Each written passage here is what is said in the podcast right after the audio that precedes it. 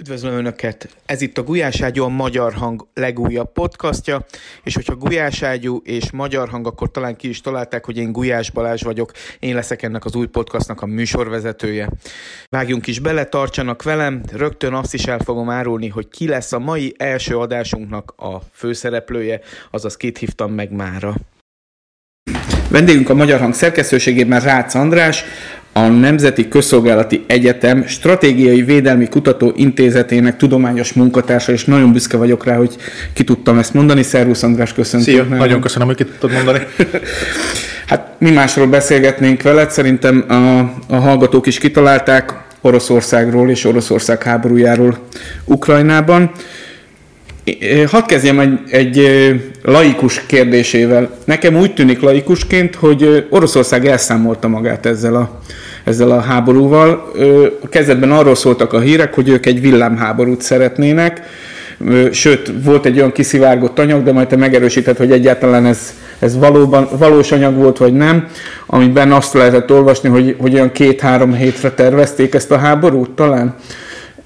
Ehhez képest, hát most már március 12-én veszük fel ezt a, ezt a műsort, most már két és fél heten megy ez a háború, és nem úgy tűnik, mintha nagyon előre haladtak volna. Abszolút egyetértek veled, elszámolták. Most már tényszerűen tudjuk, hogy elszámolták. Annyira elszámolták, hogy eleinte egészen hihetetlen volt. Tehát ugye február 24-én magyar idő szerint hajnali négykor indul a háború. Nekem személy szerint 48 órába telt elfogadni azt, hogy, hogy ezt tényleg elszámolták. Tehát a háború első két-három napjában tényleg olyan hadműveleteket, olyan akciókat hajtottak végre, amik teljesen értelmezhetetlenek voltak figyelembe véve az ukrán ellenállást, meg egyáltalán azt, amit, amit Ukrajnáról tudunk, ezzel együtt megcsinálták. Tehát ma már elég pontosan tudjuk, hogy Putyin olyan információkat kapott, olyan információk alapján döntött, amely információk alapján ő tényleg azt gondolta, hogy Ukrajnával néhány nap alatt lehet. Na ez lett volna a következő kérdés, hogy ők el is hitt, tehát a politikai vezetés elhitte azt, hogy ezt meg lehet csinálni igen, ennyi idő igen, alatt? úgy tűnik, hogy elhitték. És uh, akkor ez, bocs, ad, adódik a következő kérdés, hogy, e, hogy be akarták csapni a orosz elnököt, vagy, vagy egyszerűen tényleg a katonai vezetés elszámolta magát mi miatt, valami miatt, és hogyha igen, akkor mi, mi lehetett az az ok, ami, amivel elszámolták magukat? Azt, hogy be akarták-e csapni az orosz elnököt, tehát hogy szándékosság volt-e mögött, vagy hiba, ezt most még nem lehet megmondani. Ugye lehet azzal érvelni, hogy a végeredmény azonos, az, hogy elszámolták, de, de valójában ennek a kiváltók azért elég fontos. Ugye az utóbbi néhány napban Putyin nagyon komoly tisztogatást rendez a belföldi titkos, titkos szolgálat az FSB-nél, ugye az FSB 5. osztálya volt felelős, illetőleg hát továbbra is ők a felelősek az Ukrajnával kapcsolatos hírszerzési információkért. És leváltották az 5. osztály vezetőjét, a helyettesét, házi őrizetben vannak, tehát úgy tűnik, hogy Putyin most, most megbünteti azokat, akik rossz információkkal látták uh-huh. el. Most az, hogy itt a, a ténylegesen az, az input volt rossz, vagy az orosz elnök értékelte ezt rosszul, ezt innen kívül nem lehet megmondani, de ezzel együtt nagyon-nagyon látványos az eredeti terveiknek a kudarca. Tehát tényleg azzal számoltak, hogy alig lesz ellenállás, azt a keveset is gyorsan le lehet küzdeni, és, és hogy tényleg három-négy nap alatt végeznek mindennel, amit, amit Ukrajna ki tud állítani ellenük. Kicsit olyas, olyasmire hasonlít a helyzet, mintha azt gondolták volna, hogy ez ugyanolyan lesz, mint 2014-ben volt az ukrán hadsereg. Ugye a háború legelején, amikor teljesen szétesett, védekezésre képtelen, rosszul vezetett, demotivált, rosszul felszerelt haderővel szemben kellett az orosznak harcolni, és nyilván ott, ott könnyű volt eredményeket elérni. Ezzel szemben most mások az ukránok? Figyelj, ez az elmúlt nyolc évet ugye Ukrajna de facto háborúban töltötte, és ez az, hogy egy haderőnek folyamatosan és hosszú ideig van harci tapasztalata, ez nagyon-nagyon sokat számít. Tehát azt szokták mondani, hogy a, a, az egyes katonánál is az első harcérintkezés, és hogyha azt túléli, utána egészen másképp áll hozzá a dolgok, az egészen más a hatékonysága, onnantól válik úgy igazán tényleg, tényleg, tényleg katonává. És az ukrán hadsereg ezt a nyolc évet, ezt egyrészt nagyon komoly létszámfejlesztéssel töltötte, nagyon komoly haditechnikai fejlesztésekkel töltötte, rá átalakították a parancsnoki rendszert is, de most azt látjuk, hogy az ukrán parancsnokok nagyon rugalmasan, nagyon adaptívan döntenek, nagyon hatékonyan vezetik az egységeiket, és az ukrán haderő még egy dolgot csinált, ebben a nyolc esztendőben a legtöbb alakulatot keresztül rotálta a keleti fronton. Tehát majdnem mindenki szerzett Aha. valamiféle harci tapasztalatot. Értem. ez egy, ez egy nagyon nagy előny. Igen, igen, igen. És ugye most ebben a konkrét háborúban, ebben a február 24-én kezdődött háborúban, nagyon-nagyon fontos az, hogy ezek az emberek tényleg a hazájukat védik, motiváltak. És, és tényleg érzik a tétet, 8 éve harcolnak Oroszország ellen, tehát pontosan tudják, hogy mi történik, hogyha beérkezik valahol az, az orosz hadsereg. Úgyhogy sokkal motiváltabbak, sokkal elszántabbak, kifejezetten kreatívak, és egyelőre úgy tűnik, hogy elég hatékonyan tudják ellensúlyozni az orosz fölényt. Ez nem azt jelenti, hogy fel tudják tartani az orosz haderőt, de jelentősen tudják lassítani. Az orosz hadsereg mit csinált ebben az elmúlt nyolc évben ezzel szemben, mert nagyon úgy tűnik, hogy amiket elmondtál a motiváltságról, meg az egyéb erősségeiről az ukránoknak, az mm, abban talán hiányt szenved az orosz fél, de hát majd elmondod, hogy igazam van vagy sem. Az az, az, az érdekes, hogy uh, ugye Oroszországban is lezajlott egy nagy haderőreform, nem ért teljesen a végére, ugye mint az átfegyverzési ciklusnak 2027 környékén lett volna vége. Tehát még nincs meg a Az teljes... átfegyverzési ciklus csak a hallgatók kedvér, meg az olyan laikusok kedvér, mint én, az azt jelenti, hogy addigra cserélődik le teljesen a... Hát nem teljesen, de a fegyverzet jelentős részét addig lecserélték volna, tehát a haditechnikai eszközök jelentős részét lecserélték volna.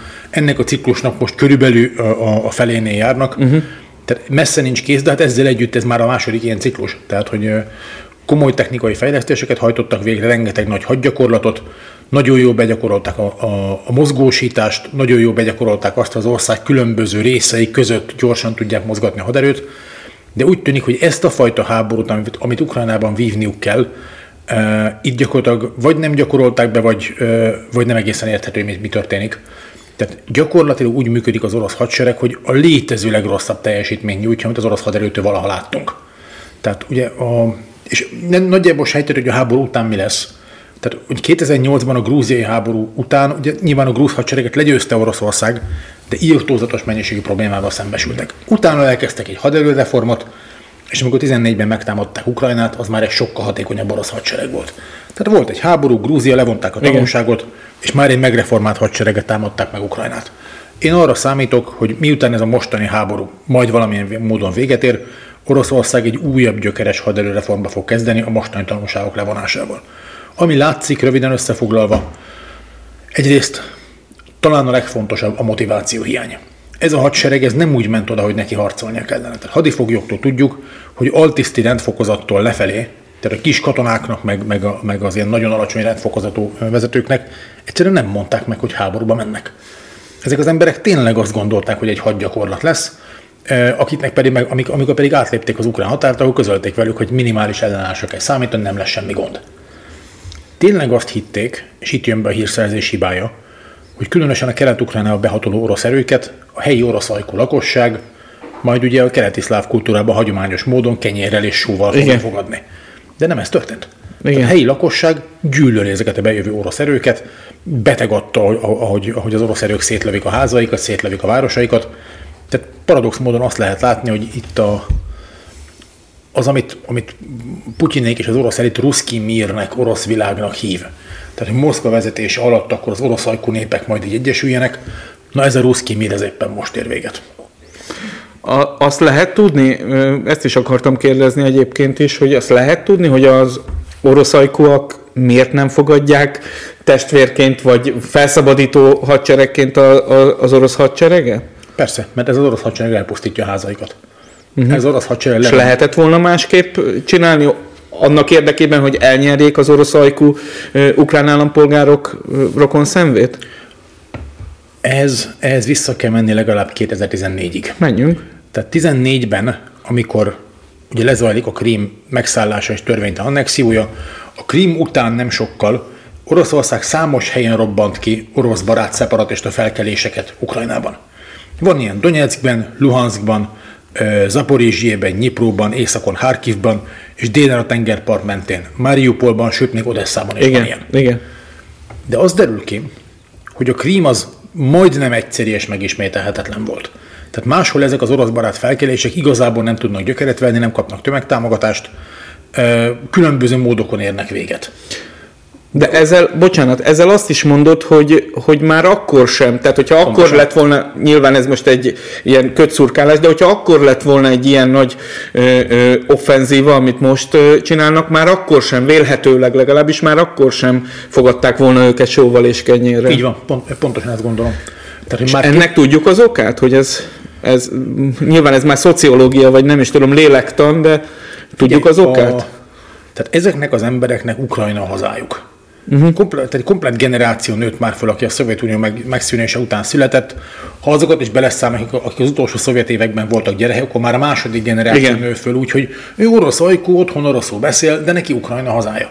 Meg ez mindig is egy több nemzetiségű ország volt. Tehát amikor uh, Ukrajnáról gondolkodunk, meg általában a kelet-európai térségről, nagyon könnyű belefutni bizonyos leegyszerűsítésekbe, uh, ami nem feltétlenül vissza jó magyarázathoz. Egyszerűen fogalmazva, az, hogy az embernek a nemzeti identitása, az anyanyelve, és harmadikként a politikai lojalitása micsoda, ezek összefügghetnek, de nem definiálják egymást. Igen, mert magyar részszer nekünk viszonylag egyszerű, Igen. hogy hiába élsz Erdélyben, te magyar vagy, és nyilván a, mondjuk, hogyha magyar-román válogatott meccs vagy van, akkor erdélyiként nyilván a magyar csapatnak szurkolsz. Ez magyar aggyal vagy magyar észsel így működik. De Igen. akkor ezek szerint ott nem. Igen, de Ukrajnában teljesen jól elképzelhető, hogy te, te magadat orosznak tartod, otthon oroszul beszélsz, de Ukrajna hazád és Ukrajnához vagy lojális. Uh-huh.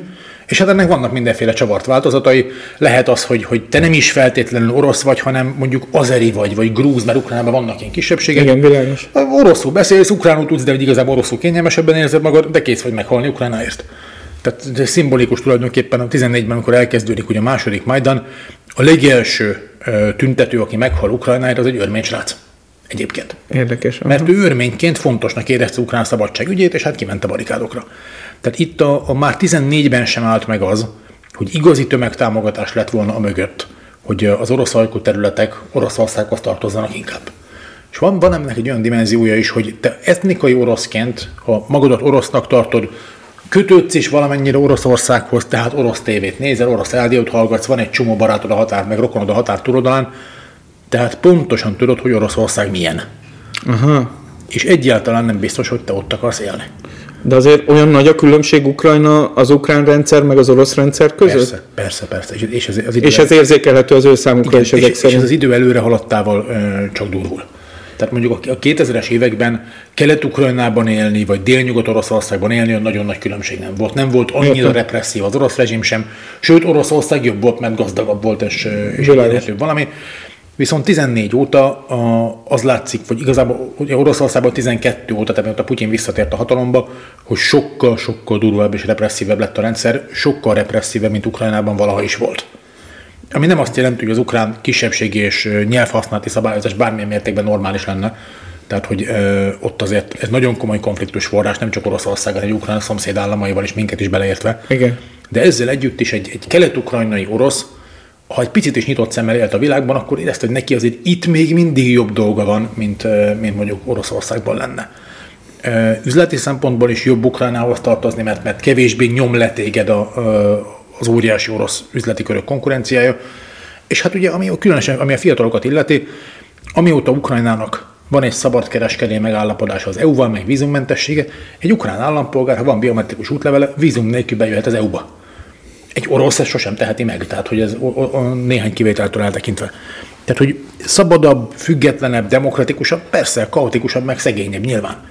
De ebben van, tehát egy, egy, egy Ukrajnában sokkal inkább van perspektíva, mint, mint mostanában egy Oroszországban. Beszéltünk arról, hogy a harcoló felek, illetve a két hadsereg között azért vannak hatalmas különbségek er, orosz erőfölénnyel. Ugyanakkor a kommunikációs hadviselésben én azt veszem észre, hogy, hogy ukrán fölény van, de ebben is erősíts meg, vagy cáfolj kérlek, és vajon miért lehet így? Az oroszokat úgy képzeljük el, hogy trollfarmokon több ezer res troll hadsereggel bírnak, és hogy ők igazán jók ebben a bizonyos kommunikációs hadviselésben, és akkor, amikor a valóság még bekopogtat az ajtón, akkor ennek az ellentetjét látjuk. Vajon miért van ez? Azért, mert még, még az átlag orosz számára is nagyon nehezen védhető, amit csinálnak, a külvilág számára pedig védhetetlen. Amit a legelején mondtam, hogy, hogy ez a ruszki mir vége.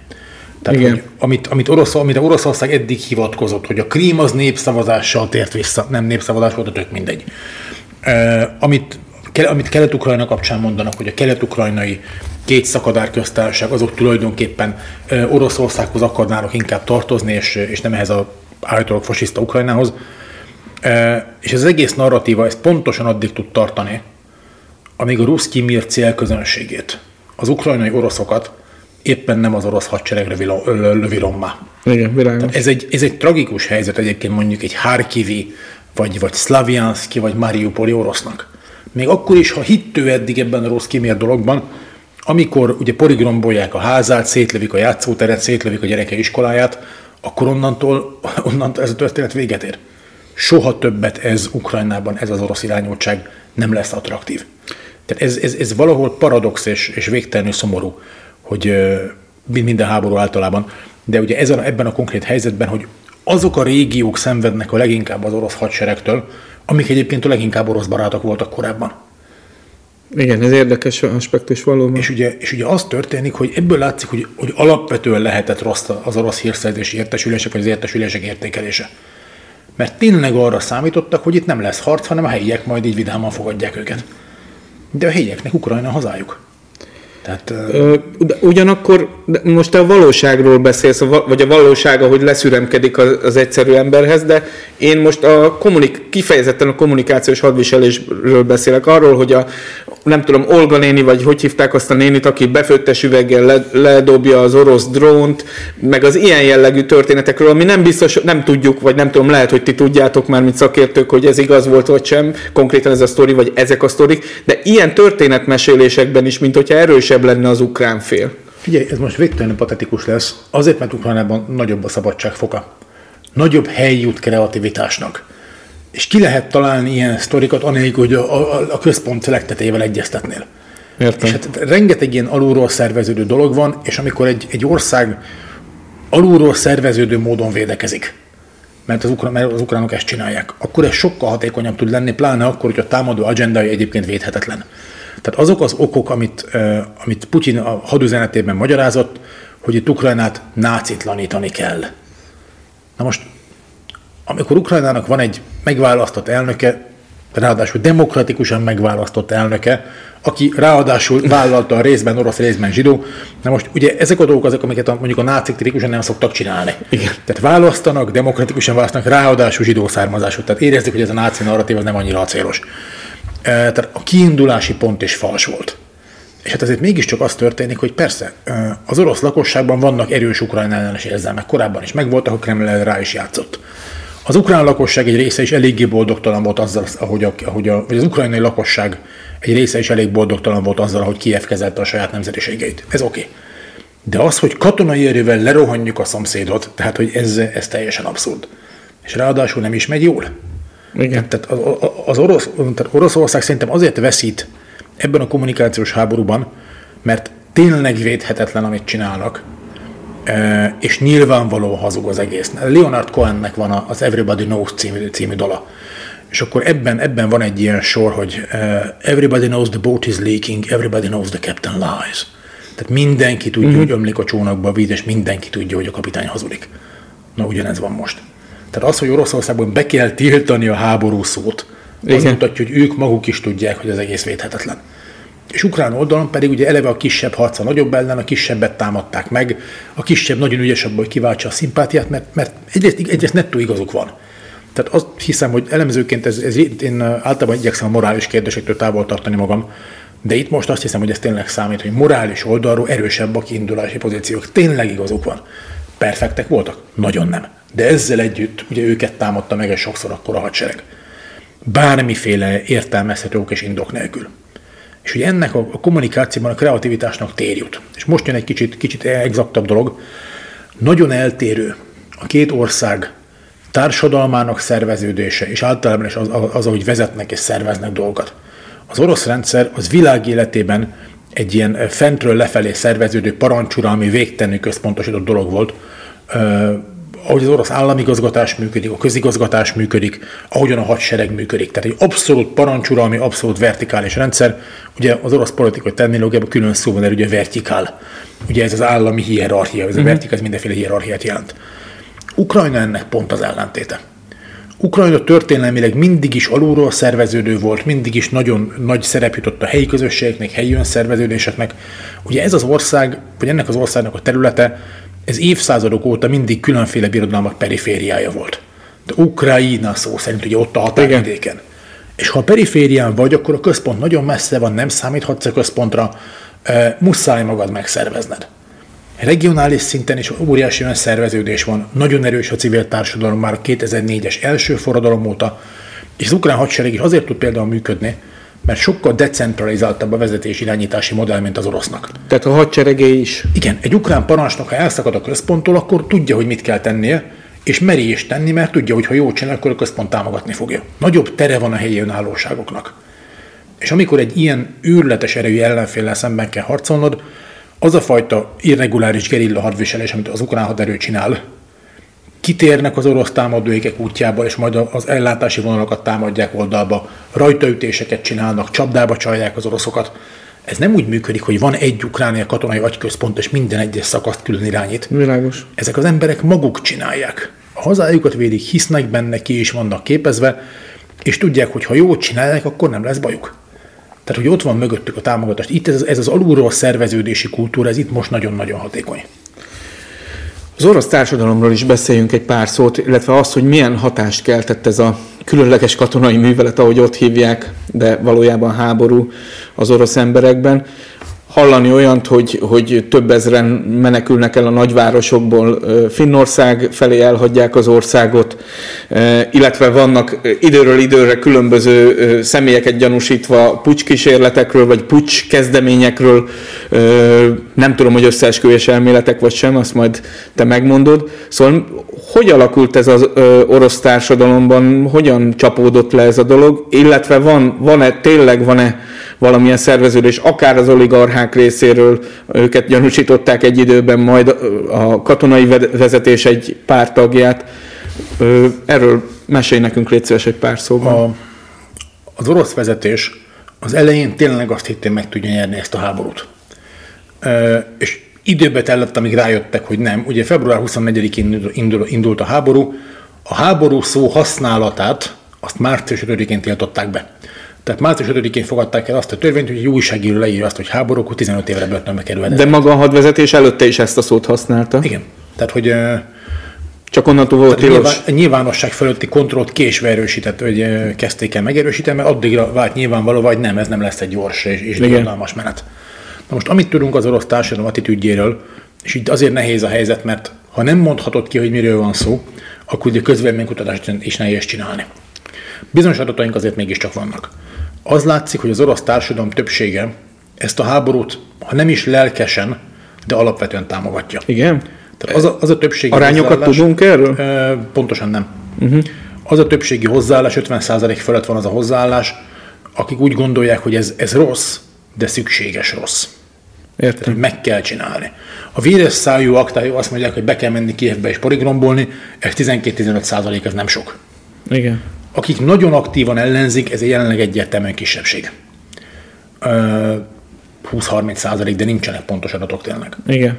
Itt nagyon nehéz ilyenkor közvéleménykutatást csinálni, pláne telefonon. Mert ugye telefonon az ember egy ilyen autoritár rendszerben hajlamosabb a hatalom álláspontjába konformabb módot mondani, mert ugye ki tudja, hogy ki van a vonal végén, meg ugye vonalon, a vonalban is. Igen. Tehát lehet, hogy csak kette vagyunk ebben a beszélgetésben, hanem többen. De egyelőre az orosz társadalom nem látszik, hogy kihátrálná mögül. Folyamatosak a tüntetések, a nagyvárosi lakosság, politikailag aktívabb nagyvárosi lakosság tüntet, és nem csak Moszkva és Pétervár, 60-nál több városban vannak folyamatosan tüntetések még mindig, azzal együtt is egyébként, hogy, hogy aki, aki oroszként kimegy tüntetni, hihetetlen bátor dolognak tartom. Tehát, hogyha orosz, oroszként kimész tüntetni, akkor pontosan tudod, hogy mit kockáztatsz. Tehát nem az történik, hogy lefújnak könygázzal, másnap kicsit piros a szemed és ennyi, hanem adott esetben évekre börtönbe kerülhet. És ezzel együtt kimennek. Igen. Az orosz társadalom elitje, az értelmiség egyre inkább a háború ellen van. Jellemzően az értelmiség tüntet, petíciókat írnak, kutatók, tudósok, művészek, egyetemi emberek adják a nevüket tiltakozásokhoz. Tényleg elképesztően bátor dolog ez az egész. De a, de a Glubinka, ez a, ez a mély Oroszország, ez a mély vidék, itt még nem látszik, hogy a háború ellenes hangulat az, az, az áttört volna. Az, abban, most abban fog változni ez, hogy akkor fog változni, amikor elkezdenek beütni a következmények, a nemzetközi szankciók, a gazdasági visszaesés, az, hogy kimennek a nagy cégek. Az orosz középosztály és még csomó dolgokhoz nem fog hozzáférni. Mert megszűn, nem fognak működni a telefonjaikon, egy csomó applikáció, nem tudnak nyugati ruhákat venni, nem tudnak majd utazni sem, mert le fog állni a légiközlekedés, ugye sem a Boeing, sem az Airbus nem szolgálja ki az orosz repülőgépeket, tehát amint karbantartásra van szükség, ezek a gépek le fognak állni. Igen. És ugye, ami szintén sújtja őket, azok az orosz rezsimnek a szólásszabadságot korlátozó intézkedései. Nem érhető már el a Facebook. Le fogják kapcsolni a TikTokot hétfőtől, a TikToknak 80 millió orosz felhasználója van. Tehát még ha, ez, még ha ez a 80 milliónak mondjuk a fele az céges, meg troll, meg mit tudom én, akkor is 40 millió orosz hirtelen nem fog tudni TikTokon beszélni a barátaival. És, és rengeteg ilyen dologtól esnek el. Hát igen, éppen talán tegnap néztem egy orosz influencer, ilyen fiatal hölgyet, aki, aki amiatt sírt, hogy neki tök mindegy ez a háború, vagy ha van, az is jó, ha nincs, az is jó, nem érdekli az egész, de ne kapcsolják már le a TikTokról, hát mit, mi fog velem történni? És sír, sírt a Igen, videóban a, a, a hát hölgy, egy fiatal lány igazából, hogy nem tudom, most elveszíti a nem tudom hány százezer követőjét. És elveszíti a megélhetését, igen. igen. És rengeteg ember fogja elveszteni a megélhetését.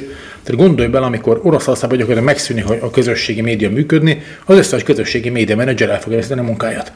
Ami nyilván egy, egy pár tízezer ember egy ekkora országban, de pont pár tízezer több a semminél egyrészt. Kettő, most a saját helyzetünkbe belegondolunk. Most képzeljük el azt, hogy, hogy nem tudunk használni Skype-ot, Signált, Whatsappot, Facebookot. Igen. Ez most így mind hétfőtől nincs. Igen, hát, hát ez, ezt az interjút is Messengeren egyeztettük, igen, akkor igen. nem tudom. Tehát, hogy csak, tényleg csak így gondoljunk bele abba, hogy nekünk ez milyen lenne. És, és ugye egyre több ilyen egymást erősítő következmény sújtja Oroszországot, részben a szankciók, tehát három-három fő tényező van. Az egyik a szankciók, a másik az, hogy rengeteg nyugati cég a szankcióktól függetlenül is kimegy Oroszországból. Igen tehát ezek, ezek ilyen kumulatív hatások, és ugye harmadikként az orosz rezsimnek a szigorú intézkedései, ezek mind összeadódnak. Tehát nem csak az ukrán lakosság élete változott meg gyökeresen február 24-e után, hanem, hanem az orosz lakosság élete. És nyilván nem annyira radikálisan, de ettől még a február 24-e előtti és utáni állapot között nagyon brutális különbség van. A Egyébként egy apró ö, dolog, ezeknek a bizonyos nyugati cégeknek, amelyek önszorgalomból úgymond ö, beszüntetik az orosz tevékenységüket, ebben te politikai tevékenységet látsz, tehát ezek a cégek elkezdtek politizálni, vagy, ö, vagy egyszerűen valami más gazdasági megfontolás, vagy bármi, bármi más állhat e mögött? Figyelj, én, én nem vagyok PR szakember, tehát nem tudom, hogy egy, egy, egy céges gondolkodás az hogyan működik itt. Úgyhogy végtelen amatőr, meg hozzá nem értő véleményt fog megfogalmazni, és lehet, hogy ez téves. Tehát ezt nem Igen. tudom. Azt gondolom, hogy egyrészt a, tehát annyira vállalhatatlan ez a háború, hogy lehet, hogy a cégek attól tartanak, hogyha fenntartják az Oroszország operációikat, ja, hogy akkor rájuk ég. Ez PR szempontból rájuk ég. Igen. Uh-huh. És ugye az, hogy ugye nem arról van szó, hogy hirtelen, hogy megszüntetik az Oroszország jelenlétet, hanem felfüggesztik a működést. Ott, van az üzle, ott vannak az üzletek, ott van az árukészlet, adott esetben újra lehet nyitni. Na jó, csak lehet, hogy addigra már nem ő lesz a tulajdonos, mert ugye hallani olyan hangokat is, hogy, hogy jogszabálymódosítással akár el lehet zabrálni, hogy akkor ezt a szót használjuk. Igen, a Kreml, lehet... a Kreml államosítással fenyeget. Na most, ha ezt meglépik, onnantól épeszik külföldi befektető a következő 40 évben ebben az országban. Igen. Be. Tehát ha ezt tényleg meglépik, akkor, akkor plusz érv lesz amellett, hogy, hogy ez a rezsim, ez tényleg valami, valami leírhatatlan és, és egyre irracionálisabb irányba megy. Jelenleg, ha te most mit tudom, egy ruhamárka vagy, mondj egy prémium ruhamárkát. Mm, húha. Nem tudom, én sem nagyon hordok ilyet. Zára, mondjuk egy zárát, igen. Tehát ha mondjuk egy záraként te bezárod az orosz, záraként bezárod, de volt. Tehát ha bezárod az oroszországi boltjaidat, ettől még az a te tulajdonod marad. És ha javulna a helyzet, lenne egy fegyverszünet, akkor adott esetben valamennyi lehet. múlva ki lehetne, ki lehetne ezt mm. nyitni. Nyilván vesztesség van persze. Meg az eddigi törzsvásárlóid lehet, hogy elpártolnak tőled. De, de ez nem egy, nem egy végleges döntés. Ha az orosz állam ezt a döntést a saját hatáskörében véglegessé teszi, na az egy nagyon másik helyzet lesz. Egy pár olyan dologról is beszéljünk, ami, ami érint bennünket magyarokat. Azt mondtuk a beszélgetés elején, hogy március 12-én rögzítjük ezt, a, ezt az adást és március 11-én pénteken keresztül haladt az országon egy nem tudjuk milyen felségjelzés alatt futó, vagy egyáltalán volt-e rajta felségjelzés, de egy szovjet gyártmányú ősrégi drón. Egyrészt azért engem az is érdekel, hogy ugyan a magyar, magyar honvédelmi minisztérium azt kommunikálja, hogy ők ezt végig látták, és mindenről tudtak, és kontroll alatt volt a dolog. Az is érdekelne azért, hogy hogy a fenébe mehet keresztül a, egy, egy, egy teljes országon egy, egy drón annélkül, hogy nem tudom, mit kellene csinálni, levadászni, vagy nem tudom, mi a teendő vele. Másrészt a, a dolog másik része pedig az, hogy 160 km a magyar határtól ö, már bombáznak településeket. Tehát vélhetőleg el fog érni ide ez a háború, és ennek lehetett része ez a, ez a berepülő drón? Figyelj, a, a drón az ukrán volt. Igen? É, igen. Ezt a, most már ki tudjuk jelenteni. Figyelj, ez egy, ez egy Stris típusú Tupolev 141, 141-es drón volt. Ez egy, ez egy ilyen ős drón. A 70-es évek végétől gyártották 1989-ig. Az volt a feladata, hogy elrepüljön a célterület felett, ott fényképezzen, utána visszajöjjön, és tehát még le, le se tudott szállni magától, tehát ez, ez nagyon primitív eszköz volt, hanem egy tőernyővel ezt fel. Tehát ez egy felderítő Igen, eszköz. Ez, ez egy felderítő eszköz, ez fegyvert nem hordozott, óriási nagy, tehát, tehát, tehát tényleg ez, ez nem egy ilyen, mint egy ilyen picit drón, hanem tehát ezt a játszótéri rakétamászókát elképzeljük, annál egy picit nagyobb. Atya is. Tehát ez egy írtózatos méretű vasdarab, ráadásul elég lassú is. Gondolom nehéz is? Hát persze, tehát hogy ez sok-sok tonna. Hát egy ilyen rendes szovjet, tehát hogy így van, igen, van igen, igen. anyag, cserébe lomha és hangos, de mondjuk működött. Ukrajna ezt rendszerben tartotta. Na most ennek a Strizsnek 1000 km a maximális hatótávolsága. Ha Zágrábból visszaszámoljuk, akkor, akkor ez nagy valószínűség Ukrajnában indult. Uh-huh. Az elég valószínű, hogy Ukrajna Magyarország fölött akart volna ezzel felderítést végezni, mert ugye bárminek. Igen. Én azt tartom a legvalószínűbbnek, hogy, hogy itt műszakiba történt. Tehát, hogy ez egy írtózatosan régi eszköz, és, és simán lehet, hogy felküldték és elvesztették fölött az irányítást.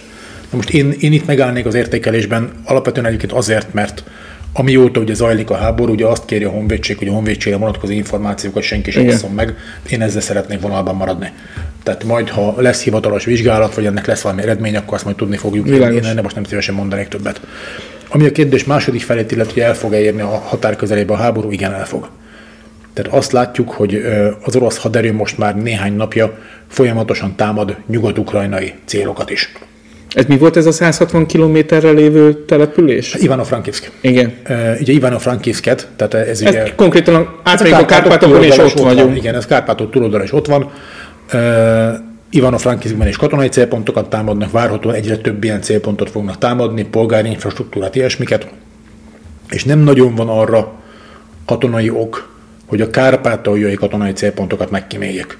Tehát én tartok attól, hogy előbb-utóbb kárpátai katonai célokat is támadás fog érni. Ez nem azt jelenti, hogy idáig eljön az orosz hadsereg, ezt nagyon fontos látni, hanem nagy hatótávolságú rakétákkal, robotrepülőgépekkel, illetőleg a nyugat-ukrajna keleti felén levő városokat, azokat nagy hatótávolságú tüzérséggel már elérik. Uh-huh. Ez, ez sajnos folytatódni fog. Aminek lesz, lesz rengeteg olyan hatása, hogy, hogy nyilván még intenzívebbé válik a menekült áradat egyrészt, Kettő, a magyar társadalom szempontjából ez egy, ez egy nagyon ijesztő dolog lesz, mert ugye utoljára ilyen a 90-es években volt hogy Magyarország határainak közvetlen közelében zajlanak harccselekmények. Hát arról nem is beszélve, hogy magyar lakta városok is akkor Igen, áldozatai pontosan. lehetnek ennek, hogyha jól Igen. értem. Igen. Ezt, ezt már most ki, ki lehet jelenteni, hogy... Figyelj, én nem tudom az orosz hadsereg mit fog csinálni. Én annyit tudok erre mondani, hogy katonailag nem látom indokoltnak, hogy a Kárpátalján lévő katonai célpontokat miért, miért kímélnék meg. Igen. Ez, ez logikusan hangzik. Egy, ismét egy naív kérdést. Elképzelhető-e bármilyen olyan szenárió, amiben, amiben Ukrajna győzhet? Mármint katonailag, ugye a kommunikációs részéről beszéltünk, vagy legalábbis egy győzelemnek látszó döntetlenre kihozhatja-e Ukrajna ezt a háborút. Elképzelhető, hogy az oroszok egyszer csak azt mondják, hogy ez már túl sok áldozat, és kivonulunk Ukrajna területéről. Azt hiszem, hogy Szenez Zoltán fogalmazta ezt meg itthon, hogy hogy nagyon sok múlik a győzelem definícióján. Tehát itt most az a helyzet van, hogy Ukrajna, ha nem veszít, akkor győz. Igen. Hiszen meg tudja akadályozni azt, hogy Oroszország elérje a saját célját. Az orosz helyzet fordított, ha nem aratnak explicit győzelmet, akkor veszítettek. Tehát itt ö, olyan típusú ukrán katonai győzelem az utolsó orosz katonát és seprűvel kergetik ki az országból, ilyen biztosan nem lesz.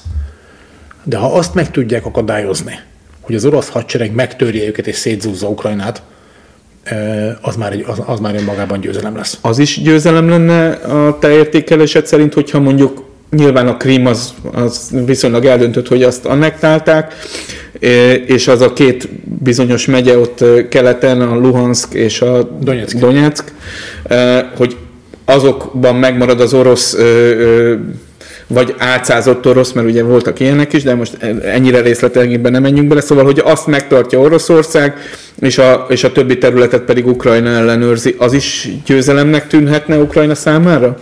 Ha ez az ukrán kormány beleegyezésével valósul meg, akkor igen. Tehát itt reális esély arra, hogy Ukrajna akár a Krím, akár Donetsk és Luhansk felett vissza tudná szerezni az ellenőrzést, nincs. Igen. Oroszország elismerte az úgynevezett Donetszki és Luhanszki népköztársaság idézőjeles függetlenségét, és védelmi megállapodásokat kötött velük. Ugyanaz a helyzet fog előállni, mint Abháziában és dél A grúz kormány sem ismerte, hogy Abházia és dél független lenne, de de facto ezzel együtt él. Ha egy ilyen típusú de facto együttélés meg tud valósulni, és hogy a Krímmel az elmúlt nyolc évben egyébként megvalósult, az ukrán oldalról, ha ez az ukrán kormány beleegyezésével történik, az már felfogható győzelemként. Tehát ha ezen kívül nem lesz területi vesztesség.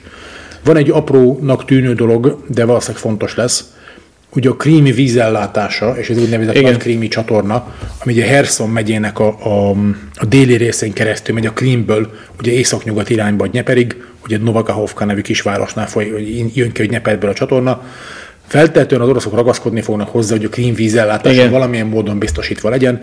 El lehet nemzetközi szerződést csinálni, Elméletben lehetne valamiféle területen kívüli rezsimet csinálni, de a posztszövetőségben nincs hagyománya, valószínűleg egy szerződés lesz erre a megoldás. Ez egy pici technikai dolog, ezt lehet a végére hagyni. És ami nagyon valószínű, és, és ukrán oldalról egy viszonylag könnyen megléphető dolog, az az, hogy, hogy semlegességet ígérni. Jelenleg az ukrán alkotmányban benne van, hogy az ország törekszik hogy a NATO és az EU tagság elérésére. Zelenszky elnök már felvetette, hogy ennek a módosítására egyébként lehet tárgyalni. De tehát ha Ukrajna ennyi területi változással vagy vesztessége meg tudja úszni ezt a dolgot, és, és ugye az alkotmányba beleírják a semlegességet, vagy legalább kiveszik az EU és a NATO tagságából törekvést, de az orosz csapatok ezek után kimennek és véget ér a háború, akkor Ukrajna tulajdonképpen elég jó kijött ebből a dologból. Most azzal együtt, hogy azt az írtózatos háborús pusztítást, amit már elszenvedtek, és még amennyit el fognak szenvedni, nem látszik, hogy ez, ezt miből építenék újjá, vagy kiépíteni újjá. Tehát ugye az ukrán forrásokban már 120-150 milliárd dolláros vesztességről van szó. Tehát, tehát komplet városok váltak a földszínével egyenlővé, vagy, vagy zajlanak éppen ezek a folyamatok.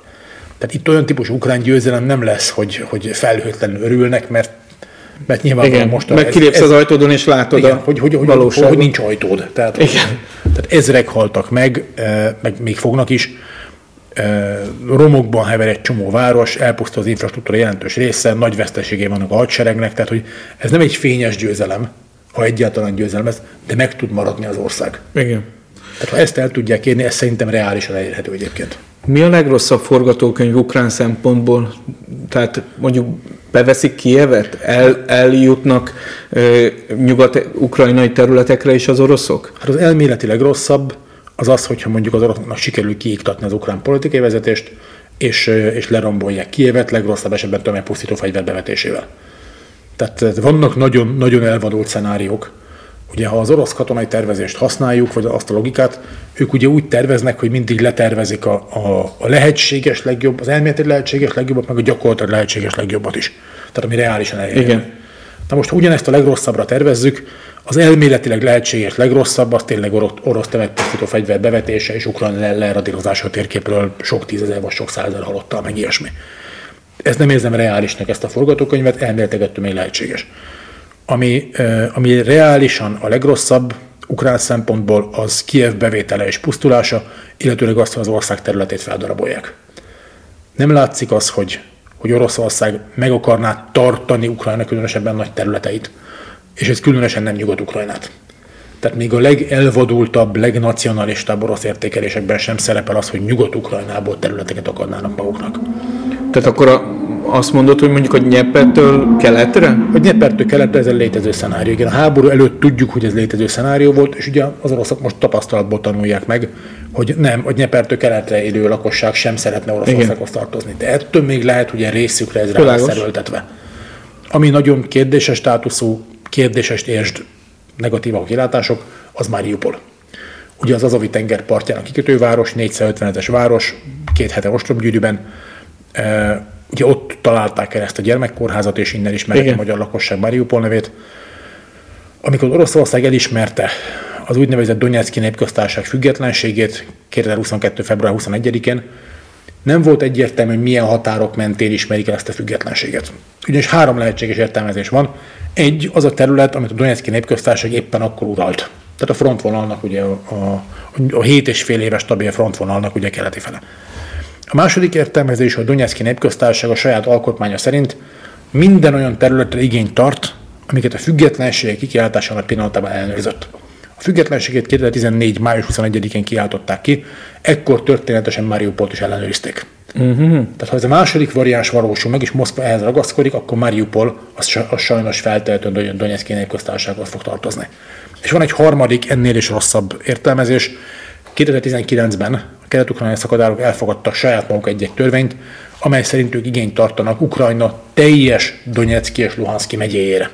Igen. Tehát sokkal nagyobb területekre, még ahhoz képest is, amit a saját alkotmányok szerint birtokolnának. Tehát ez a legrosszabb forgatókönyv, ilyen, a reálisan legrosszabb forgatókönyv az, hogy Oroszország ezt a harmadik értelmezést valósítja meg, és Ukrajna elveszíti a teljes Donetszki és Luhanszki megyéket. Igen. Már a, én abban sajnos eléggé biztos vagyok, hogy hogy Mariupolt Ukrajna nem fogja, nem fogja tudni megtartani, és nagyon remélem, hogy nem lesz igazam, de, de furcsa lenne, hogyha Moszkva kiengedne a kezéből Mariupolt. Mikor lehet vége ennek a háborúnak? Évek, hónapok, hetek? É- évek biztosan nem. Tehát katonai értelemben Ukrajna körülbelül, ugye most március 12-én beszélünk, 5-7 hétig biztosan tudja magát tartani. Ahhoz van elég lőszer, van elég üzemanyag, van elég ellátmány, meg egyszerűen kilométerben óriási nagy Ukrajna, Ukra, tehát 600 ezer négyzetkilométeres ország, tehát írtózatos mekkora. Tehát néhány hétig még biztosan eltart, ha nem születik addig egy olyan fegyverszünet, ami mindkét félnek vállalható. Ha nem születik ilyen fegyverszünet, már pedig Oroszország egyelőre úgy tűnik, hogy tényleg katonai erővel tovább végig akarja tovább ezt az egészet. Tehát Moszkva úgy tűnik, hogy úgy gondolja, hogy, hogy katonai erővel ezt megnyerheti. Hogy ezután az 5-7 hét után pontosan mi történik, ezt, ezt most még nehéz megmondani de nem, nem holnap lesz vége, de nem fog évekig tartani sem. Néhány hét, egy-két hónap. Illetve egyetlen magyar vonatkozásra hadd kérdezek rá. Orbán Viktor, amikor február 1-én találkozott Vladimir Putyinnal, akkor nagyon határozottan azt mondta a magyar médiának, amikor visszajött Oroszországból, hogy szerinte nem lesz háború. Akkor már azért az amerikai hírszerzésnek bizonyos kiszivárogtatott adatai ennek az ellenkezőjét állították. Te hogy látod, hogy miért, miért kommunikálták ennyire erősen, hogy szerintük nem lesz háború, és hogy békemissziót hajtott végre Orbán Viktor Moszkvában? Tehát a, az orosz elnök vélhetőleg nem, osztott meg, nem osztotta meg vele a, a, a persze, haditerveit, persze, de, de a magyar hírszerzés sem, sem értesült erről. Az amerikai hírszerzéstől sem tudtunk volna erről értesülni. Mi lehet e mögött, hogy ennyire erősen ragaszkodott hozzá, hogy már pedig nem lesz háború? Ugye az, hogy a titkosszolgálatok hogyan dolgoznak, ezt egy nyilvános forrásokból dolgozó ellenzőket nem tudom, tehát ugye benne van a cég nevében, hogy titkos szolgálat, honnan tudnám. De egyébként nem csak a magyarok nem gondolták, hogy nem lesz háború. Tehát nagyon sok nyugati ország vezetését brutálisan meglepte február 24-én reggel, ami történt. Tehát itt ez, ez nem magyar specifikum, hogy mindenki más tudta, és mi voltunk a hülyék. Tehát ez nagyon sokat meglepett, és ráadásul ugye egyébként az ukrán vezetés is azt kommunikálta, hogy ők nem tartanak a támadás veszélyétől. Nyilván ezt az most már retrospektíve tudjuk, hogy azért csinálták, hogy elkerüljék a pánikot, mert a, a pánik az egy, az egy pusztító, az egy rettenetes dolog. Tehát minden áron el kellett kerülni a pánikot, ez egyébként nagyjából sikerült is. Aminek ugye olyan árai is voltak, az ukrán vezetés csak a támadás másnapján, február 25-én rendelte a teljes mozgósítást. Ha mondjuk ezt januárban behúzzák, akkor most arra sokkal több bevethető és jobban felszerelt katonájuk lett volna, de hát annak ugye az lett volna az ára, hogy tényleg kitör a pánik, még súlyosabb gazdasági következményekkel, mint amik február 24 előtt látszottak. Tehát itt, itt nem csak a magyarokat lette meg az, ami történt. És ráadásul az orosz vezetés is azt kommunikálta, hogy, hogy nem akarnak támadni. Igen, Ezzel mondtam, ha te magyar miniszterelnökként elmész Moszkvába, én nem amit hogy magyar miniszterelnök legyek, tehát én nem megyek Moszkva ilyen minőségben, de te még látsz. Ha magyar miniszterelnökként elmész, elmész Moszkvába, és ott azt mondja neked az orosz partnered, hogy, hogy nem lesz háború, akkor te őszintén mit mondhatnál? Világos. Tehát ez egy, ez egy csapda helyzet, nagyon-nagyon ügyesen manőverezett ezzel egyébként az orosz diplomácia.